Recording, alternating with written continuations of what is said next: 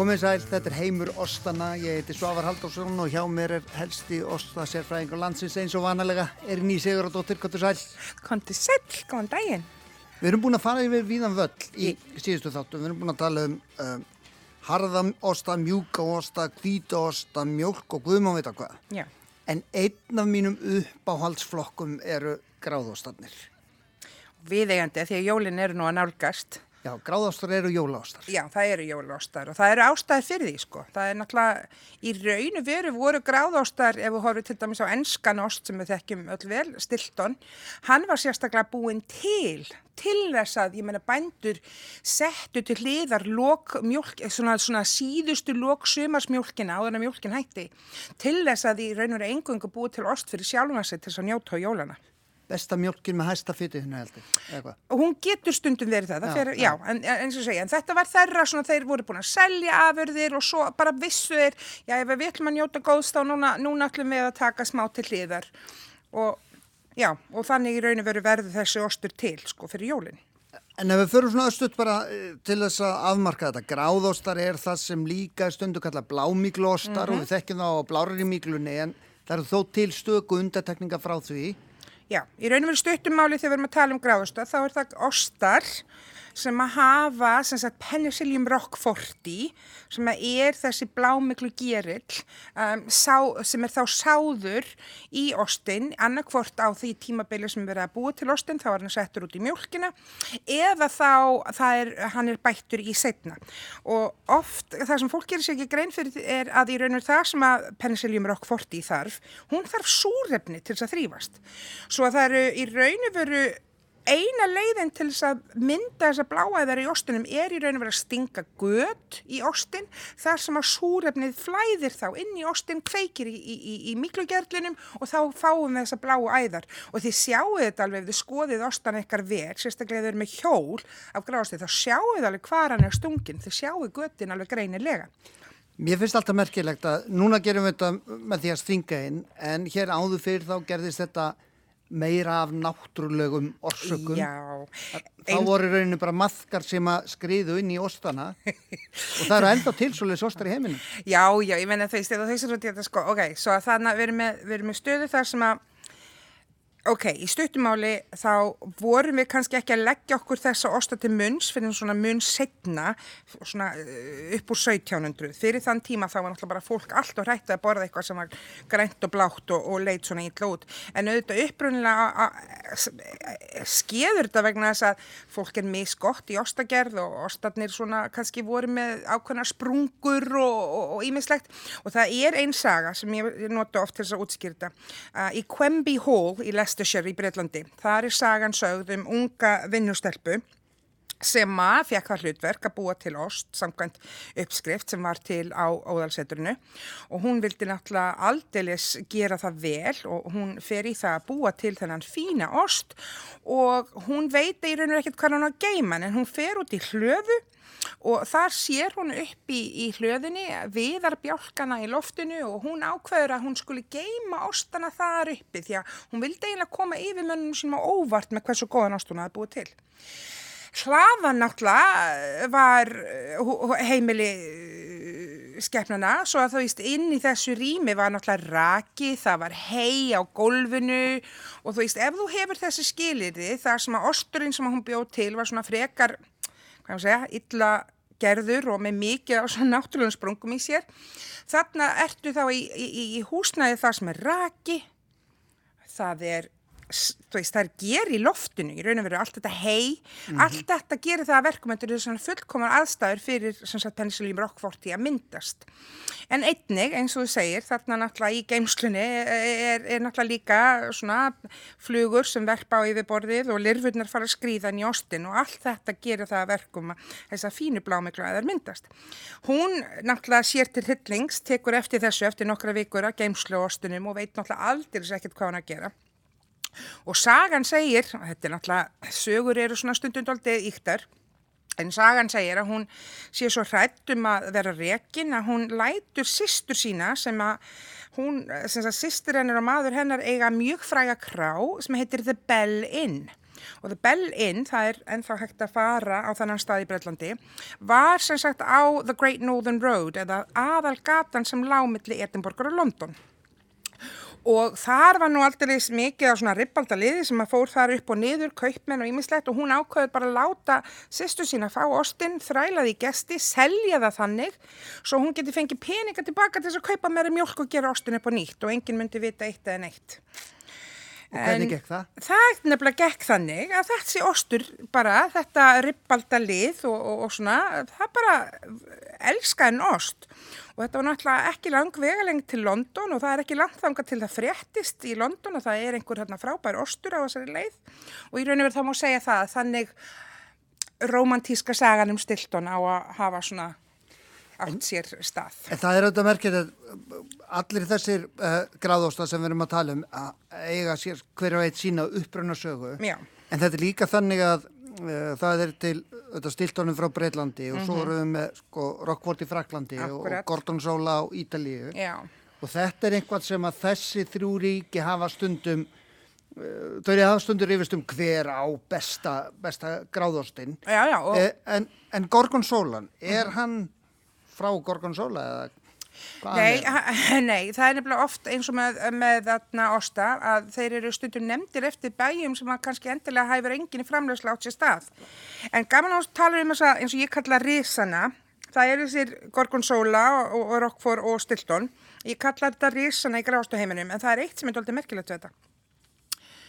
Vísandi menn í dag hafa komist að því að þessir þrýr ostar Gerlaflóran í þessum þremur ostum er náskild. Ég er að segja, þú veist, þetta er ekki frændur, þetta eru bræður. Já. Og allir aðrir gráðostar í heiminum sem eru framleitir í dag eiga rætur að rekja til þess að þryggja risa. Svo það er enginn furða við vitum ekki hver var fyrstur. Þetta er svona kjúklingurinn eggið, sko. Þú veist, einu sinni voru þrýr að bar, veist, hver, Já. hver, veist, hver, hver á heiðurinn. Frakkarnir voru fljótir til að nefna penniseljum Rockforti, sko, að reyna að negla að þeir áttu heiðurinn.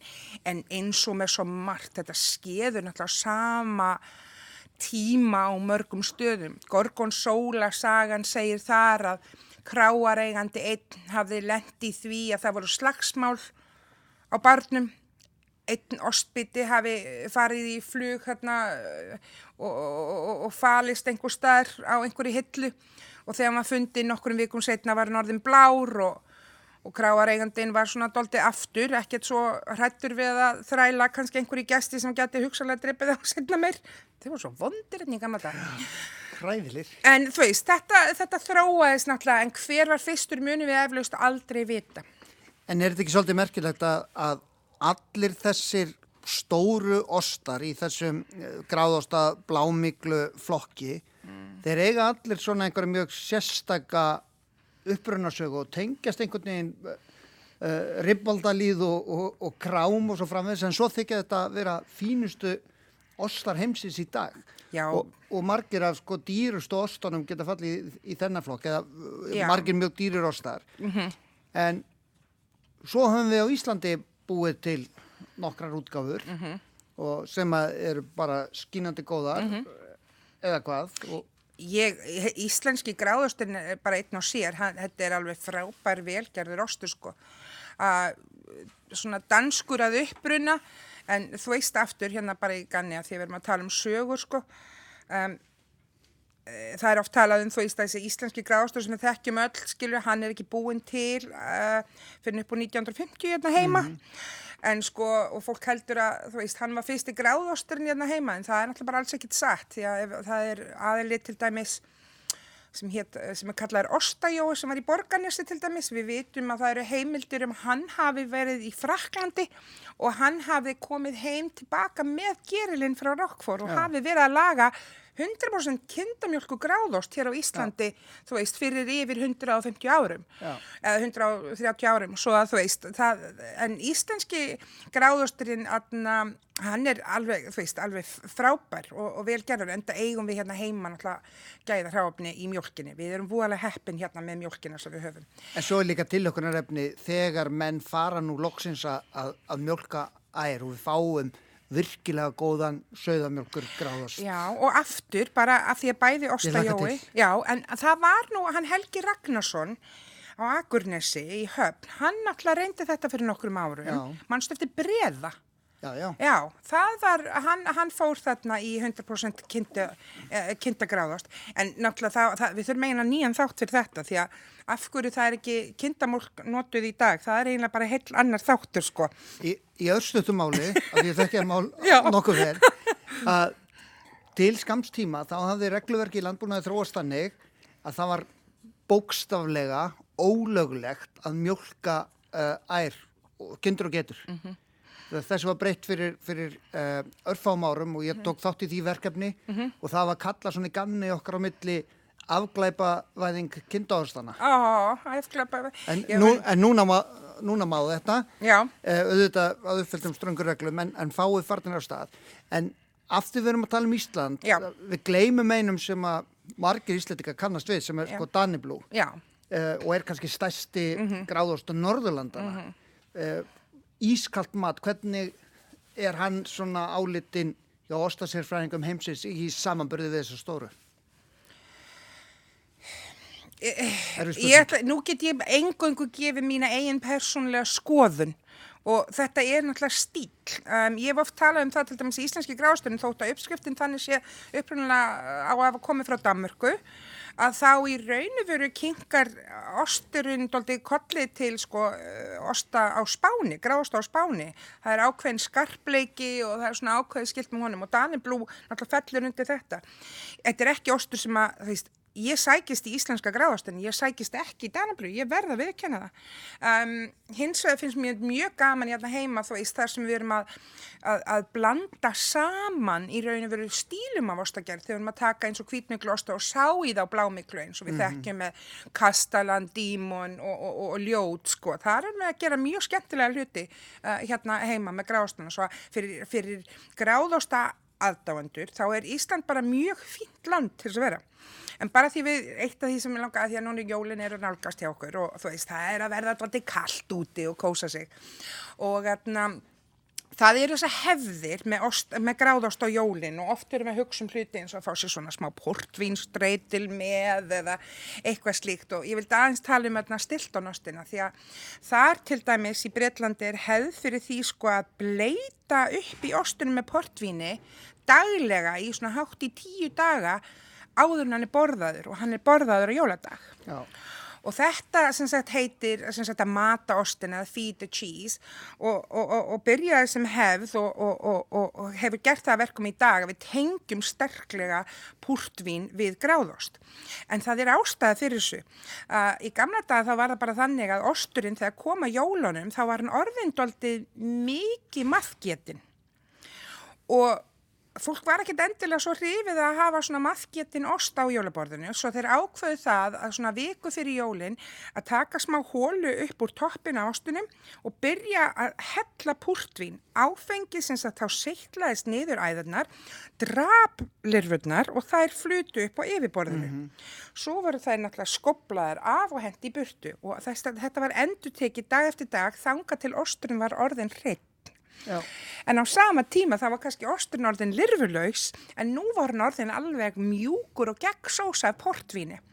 Og þá kemur upp þessi hefð að í rauninu verið hann var ekki borðað, þú veist, þú skast hann ekki með hníf lengur, þú notaði skeið. Og á mörgum heimilum er ákveðin svona silfur skeið, stilton skeiðin enn þann dag í dag, mikil gjöf og jafnvel skýrnagjöf til batna er framtíðar stilton skeiðin. Svo að ástæðar fyrir öllum hefðum af hverju við gerum þa þetta er mjög merkilegt og ég á breska vinni sem hafa eitt jólum og Ítali og reynd að uh, gera þetta með Nebbiolo og Gorgonzola og það virkar ekki að vel. nei, rauðvin og gráðostur, ég bara hafa það alveg ofinberlega hér. Þú drekkur ekki rauðvin með gráðosti. Nei, heldur hvað? Heldur hvað? Þú þart tvent, að því nú ertu komin með ákveðin styrk í ostin, þú þart áfengi og þú þart sætu. Svo að hugsiði núna portvín, sherry, ok? Öll bráðbætt vín og eh, vermúð, góður vermúð, endilega gera það. Ef þeir eru bjóraðdándur, farið í stát, farið í porter og jafnvel viski. Það má jafnvel taka gott viski með gráðosti. Ég hvað, ég laka til jóluna. Eh, tímin er að hlaupa frá okkur. Já, Eitt að lokum, já eða nei svar frá þér. eh, svarið mitt er já við Já. spurningunni. ok. Gráðostur og pitsu. Já, ég ekki það? Gráðostur, pitsur, viski. Já, grásurpítsur, viski og já, gráðosta, fíkju, perupítsa með viski. Ah, þetta verður frábær jól. Við þökkum fyrir okkur í bíli og við hittum styrnast að þetta. Já, takk fyrir það.